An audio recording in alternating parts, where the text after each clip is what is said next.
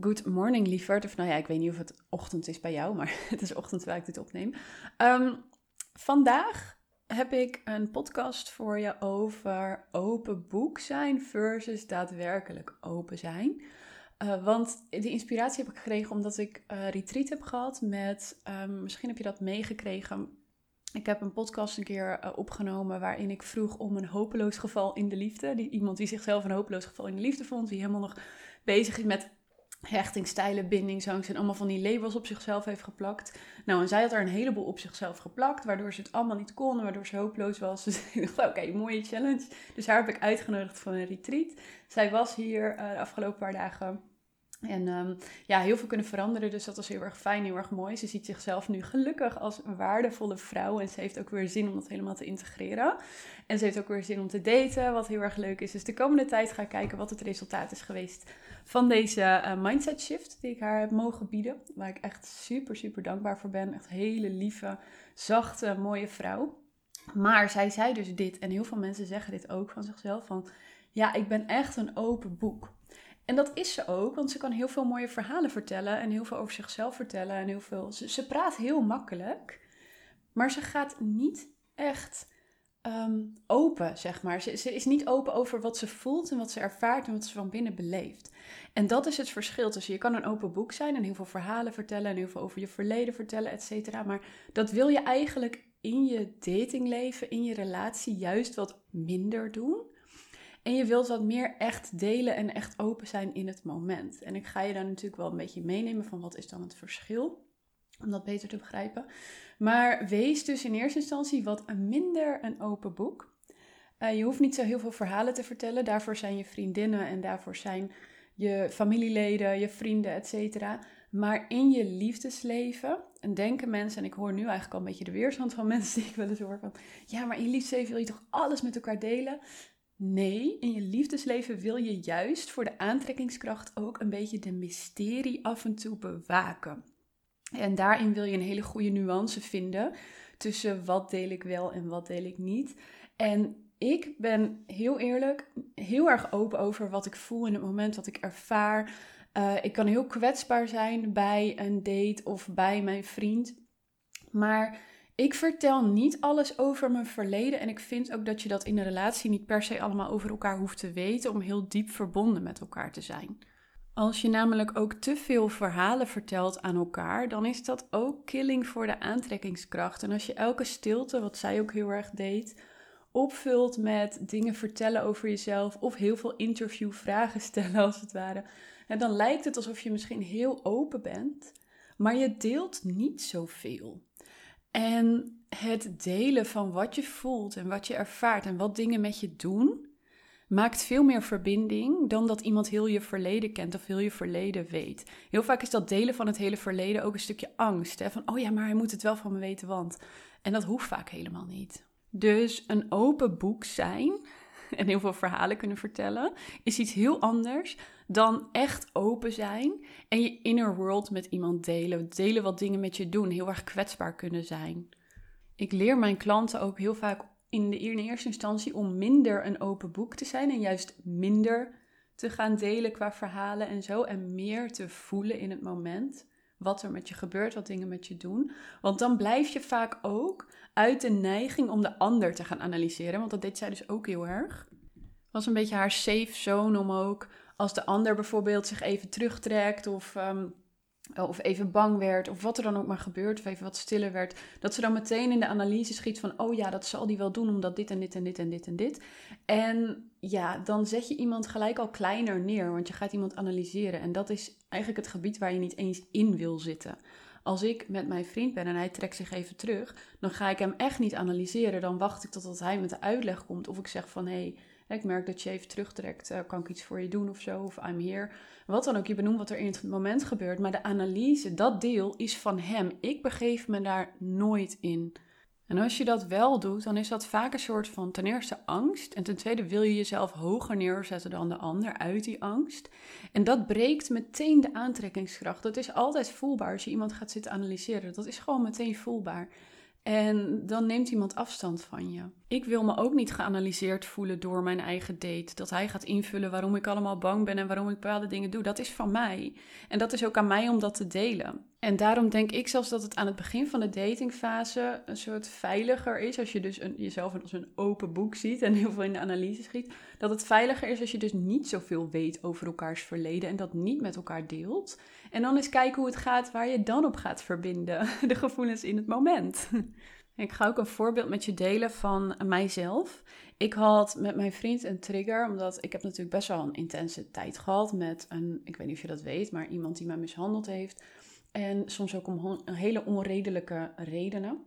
En een van de ergste waar het vaak gebeurde, uh, was als ik dan honger had en een beetje hangry werd. Dus een beetje, ik word dan een beetje stiller, ga ik een beetje terugtrekken en dan ben ik wat, ja, hoe zeg je dat?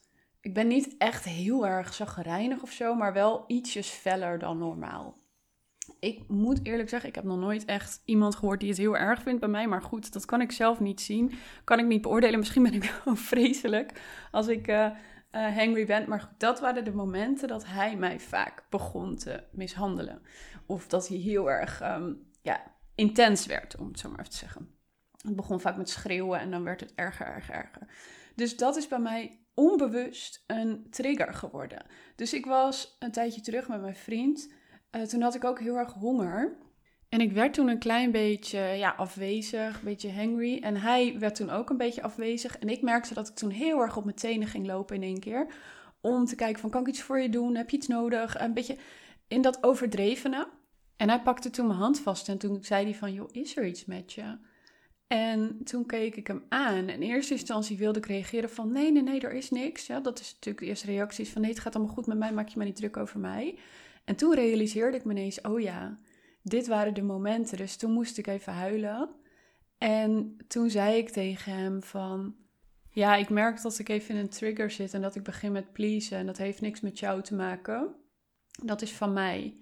En toen hield hij me vast. Toen ging hij me knuffelen en toen zei hij, do you need anything? En nou ja, toen was het eigenlijk ook gewoon weer goed. Toen voelde ik de rust weer in mij zakken. En toen kon ik daarna wel uitleggen van hé, hey, dit is waarom het gebeurde. Maar wel pas daarna, in het moment, deelde ik wat er met me gebeurde en dat het van mij was en niet van hem. En ik heb inmiddels ook geleerd van nou, als ik dan overweldigd word, want dat is eigenlijk dat gevoel wat je krijgt als je een trigger hebt, dan word je een beetje overweldigd, je begint een beetje te shaken. Dan weet ik dat ik eerst mijn trigger moet ontleden en dat ik even moet gaan zoeken van wat zijn de juiste woorden om dit uit te leggen aan hem. En ik heb daar ook een space voor nodig. Dus ik zeg dan heel vaak, Sanna, het is van mij, dat voel ik. En dan kijk ik ook van, ja, kan hij iets voor me doen op dat moment? Nou, hij deed al wat hij kon doen, hij was er voor me. That's it, meer heb je vaak niet nodig. Nou, en dan als de emotie eraf is, dan leg ik even uit van, joh, het komt hier en hier door. En ja, die moet ik gewoon nog even verwerken. Dan kan het ook een soort van luchtig blijven. Weet je wel, ik hoef niet heel de verhalen te vertellen van wat er allemaal is gebeurd. Uh, ik hoef ook niet helemaal terug te gaan naar vroeger, van mijn moeder dit, mijn vader dat en zo. Dat, dat hebben wij nog nooit gedaan zelfs. Maar ja, deze had wel heel direct te maken natuurlijk met mijn ex. Dus ik moest dat wel even kort uitleggen, zodat hij het begrijpt. Dat, dat is wel iets wat je dan in het moment doet, omdat in het moment gebeurt dat en dat is de trigger. En dan leg je hem even uit, omdat die zo overweldigend was. Maar als het kleine triggers zijn, ja, dan leg ik ze meestal niet uit. Dan zeg ik gewoon, je kort even getriggerd. Um, ik heb even wat space nodig, of ik kom zo weer bij je terug, of ik heb even een knuffel nodig. Of als ik kan bedenken wat ik nodig heb, soms is dat ook al een uitdaging, weet ik ja, dan neem je gewoon even space. Of je zegt, joh, ik ben even een beetje overweldigd door emotie. Ik kan even niks. Uh, of ik moet even de juiste woorden vinden om uit te leggen wat er met me gebeurt. Ik weet het niet. Maar even kort samengevat, dit is dus triggers ontleden, trigger management, triggers delen met elkaar. Dat is iets anders dan dat je hele verhalen moet vertellen over je verleden, zodat iemand je allemaal begrijpt. Dat hoeft helemaal niet. Het gaat erom dat jij jezelf begrijpt. En hoe meer jij jezelf begrijpt, en, en ook oprecht begrijpt, dus niet dingen de schuld geeft die niet de schuld zijn, maar hoe meer je echt jezelf begrijpt vanuit de waarheid, hoe beter en simpeler je jezelf ook kan uitleggen aan de ander. En meestal komt het uitleggen aan de ander echt neer op: dit gebeurt er nu met me en dit heb ik van je nodig. En dan daarna kan je eventueel nog uitleggen: nou ja, het gebeurde omdat ik ooit dit heb gehad. En dat is nu hieraan gekoppeld. Als je dat weet. Soms weet ik dat ook niet eens. Ik vind het knap dat heel veel mensen er zoveel analyse op los kunnen laten. Want ik weet heel veel triggers ook gewoon niet. Dan weet ik gewoon, nee, ik word nu getriggerd, ik word even overgenomen, ik weet niet precies wat het is. Maar als je er voor me bent, dan lost die wel weer op. En eigenlijk is dat het enige wat je nodig hebt, dat laatste. Je hoeft bijna niks te weten van elkaars verleden. Alleen het kan soms helpen, zodat de ander ook wat meer compassie aan je kan geven. Maar het hoeft helemaal niet. Je hoeft niet alles van elkaars verleden te weten om diep te kunnen verbinden met elkaar. Je leert elkaars triggers wel als je dingen met elkaar meemaakt. En je wilt elkaar daar ook het vertrouwen in geven dat ieder zijn eigen triggers wel oplost met de juiste support van ik ben er voor je. Want sommige mensen willen ook elkaars triggers de hele tijd gaan oplossen. Maar mijn vriend is nu ook niet zo dat elke keer als ik hangry ben of als hij hangry is, dat hij op zijn tenen gaat lopen. Hij zegt gewoon weer van ja, weet je, I'm here for you, whatever happens. En dat is het. Hij vertrouwt mij dat ik dat, dat vanzelf wel oplost. Hij gaat nu niet elke keer als ik hangry ben, denk oh ja, we moeten wel op tijd eten, want anders wordt ze hangry en dan gaat ze triggeren of zo. Dat is ook niet de bedoeling. En dat is het gevaar als je heel veel van elkaars verleden allemaal gaat vertellen. Dat je verwacht dat de ander misschien op zijn tenen gaat lopen om dat te voorkomen of zo. Of jij gaat misschien op je tenen lopen om dat te voorkomen. En dat is precies niet de bedoeling, want dan groei je ook niet met elkaar. En dan zie je elkaar ook niet als twee sterke individuen die hun eigen triggers wel kunnen dragen. En zo wil je elkaar eigenlijk wel zien.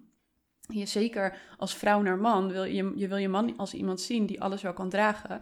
Alleen je bent er ook voor hem. Het is en en. I'm here for you, but I know you can fix it. En ik weet, en dat krijg ik van mijn klanten ook heel vaak terug, dat het voor mij natuurlijk heel uh, simpel klinkt, hè, wat ik zo zeg. En ik weet ook dat het echt wel een uitdaging is, want ik help heel veel mensen hiermee. Uh, om er te komen dat je dit continu als vanzelf doet. Hè? En daarom is het ook fijn dat ik dat dus wel doe. Want dan kan ik mijn klanten continu spiegelen hierin als ze dingen met mij delen. Daarom vind ik ook bijvoorbeeld zo'n live dag of een retreat super fijn.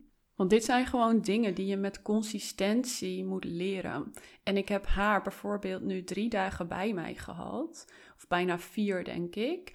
En dan kan je niet anders dan veranderen. Want ik ben zo iemand, ik ben soms heel vervelend, maar ik geef de hele tijd spiegels precies op het moment dat je net een stapje te ver gaat. En bijvoorbeeld dat ze dan vertelt over die date en dan gaat ze net een stapje te ver in de analyse oké, dit is over de grens. En dan wijs ik steeds die grens aan. En soms stel ik ook vragen natuurlijk, ik ben ook wel een beetje een coach, maar dit soort dingen, die spiegels helpen vaak het beste. Want dan ga je wel een beetje van, eh, eh, eh, oh ja, oh ja. En op een gegeven moment had ze hem. En dat is gewoon fijn. Dat ze dan op een gegeven moment voelt van, wacht even, ja, dit is het. Oh ja, en echt aan het einde zag ik ook veel meer rust bij haar gewoon. En praten ze ook veel meer vanuit rust tegen me. Want dat is wat het doet. Je creëert veel meer rust in jezelf, veel meer confidence. Je voelt je waardevoller in de verbinding met een man. Zij voelt ook nu echt weer Oh ja, ik heb gewoon heel erg veel te bieden aan een man. Terwijl toen ze bij mij kwam, had ze echt het gevoel van ja, ik ben een wandelend trauma bijna. Dat, dat idee had ze een beetje. Dat is natuurlijk ook de bedoeling van mijn challenge. Niet alle klanten van mij staan daar, gelukkig. Maar als je vanaf daar naar van jezelf een wandelend trauma vinden kan gaan naar joh, ik heb echt eigenlijk al veel te bieden in de verbinding met een man en ik voel me weer rustig en ik heb er weer zin in. Nou, dan kan je misschien ook wel indenken wat er kan gebeuren als je vanaf een ander moment of een ander punt in zou stappen. En ik merk zelf ook bij de retreats weer van ja, dit is waarvoor ik het doe. Mensen echt weer helpen openen voor de liefde. Zichzelf waardevol leren voelen in de liefde. En dat ook echt helemaal belichamen, zodat je veel meer onbevangen en speels erin kan staan. En die energie ook in de verbinding kan brengen. Want dat is natuurlijk als, als vrouw eigenlijk ja, je grootste waarde. Dat je die onschuld, die onbevangenheid, die speelsheid erin kan brengen. Terwijl je ook heel goed je standaarden, je grenzen, je gevoelens bewaakt. Nou, ik weet niet of ik het al aan had gegeven, maar ik ga eind maart ook een groepsprogramma starten. Voor als je iets hebt van, nou, ik wil denk geen retreat, maar ik wil gewoon wel consistent uh, werken aan dit soort dingen. Hele praktische, want ik werk echt heel praktisch met mijn klanten. Dingen die je kan oefenen, kan doen om uh, te veranderen in de verbinding, om weer meer in die speelse onbevangenheid te zijn, in de verbinding mezelf weer helemaal te openen voor de juiste. En ik wil ook mijn selectievermogen heel scherp maken, dat ik dus alleen nog maar met de juiste mannen op date ga en uiteindelijk de beste eruit kies. En zodat zij mij ook gaan zien en mij gaan aanspreken, want ik ben natuurlijk heel erg van het daten in het wild, niet per se op de apps. En dat is heel veel met consistentie. Vier keer per maand een sessie. Dus bijna elke week. Er is één week wel pauze, maar één keer zijn er twee keer in de week sessies. Dus je gaat gewoon heel veel kleine stappen maken en dat maakt ook je groei. En als je in maart in de lancering instapt, krijg je er een live dag bij. Dus dan kan je ook nog eens live gecoacht worden door mij. Dat is zeg maar de aanbieding voor de mensen die nu instappen. Want het gaat een continuous program worden. Dus het wordt een programma waar je, uh, je krijgt een onboarding. Iedereen krijgt dezelfde onboarding, noem ik dat. Dus je stapt in en je krijgt dezelfde basis. En daarna is er maandelijks een thema waar we aan gaan werken met bootcamps, met echt heel veel oefenen en dingen in de praktijk oefenen, zodat je ook daadwerkelijk gaat groeien. En we gaan elkaar cheerleaden, we gaan elkaar supporten. Uh, dus het is iets helemaal nieuws wat ik nog nooit heb gedaan. Maar ik vind het wel echt super tof. En het is ook niet echt voor een hele hoge prijs, vind ik, voor mij. Het is 2500 euro uh, voor nu, als je nu instapt. Uh, voor de lancering in maart. En uiteindelijk wordt het natuurlijk wel steeds wat duurder. Maar ja, voor mij is dat echt wel een laag bedrag. Want mijn, groepen, mijn laatste groep was 3500, geloof ik. En dan ex-BTW is uiteindelijk zo'n 4500. En nu heb ik ook het zo gedaan dat als je hem voor je onderneming doet, dat het ex-BTW is. Doe je hem niet voor je onderneming, is inclusief. Dus daar heb ik ook nog onderscheid in. Dus ja, ik vind dat niet heel erg duur. En ik ben nu gewoon ook wel eerlijk over mijn prijzen, want dan weet je ook een beetje waar je naar zit te kijken als je een gesprek zou inplannen om het erover te hebben. En je betaalt in principe gewoon per maand. Het is 10 maanden, dus het is 250 euro per maand. Ik vind dat niet heel veel voor wat je krijgt en je hele leven gaat erdoor veranderen. Die garantie krijg je van mij. Dus ja, dat is ook inevitable. Als je 10 maanden met elkaar optrekt, 10 maanden lang, elke week en netjes de dingen uit, dan, dan, dan is jouw leven veranderd. Dan sta je helemaal open, heb je er helemaal zin in. Uh, ja, dat weet ik zeker. Want ik heb ook echt wel leuke manieren om alles te integreren. En dat, dat hoor ik ook vaak van mijn klanten. Als je nu um, bijvoorbeeld mijn challenge nog gaat doen van december, dat zijn vier workshops, dan kan je ook een beetje kijken hoe ik werk als je dat nog niet weet. Die is maar uh, eh, 37 euro nog wat, inclusief BTW, want het is 31x. Dus als je zegt van nou, ik wil even wat proeven van je, dan zou ik die challenge gaan doen. Want dan kan je even kijken hoe ik werk. En als je dat leuk vindt en als je denkt van oh, dit is waar ik meer van wil, dan is mijn groep echt 100% iets voor jou. En in een gesprek kan ik ook altijd nog even met je meedenken in de mogelijkheden. Dus dat doe ik ook met alle liefde. Dus plan vooral een gesprek in als je twijfels hebt, als je vragen hebt die je even persoonlijk met mij door wilt nemen. En misschien zie ik je daar en anders dan, um, nou, graag weer bij een volgende aflevering. Thanks voor het luisteren, liefhart.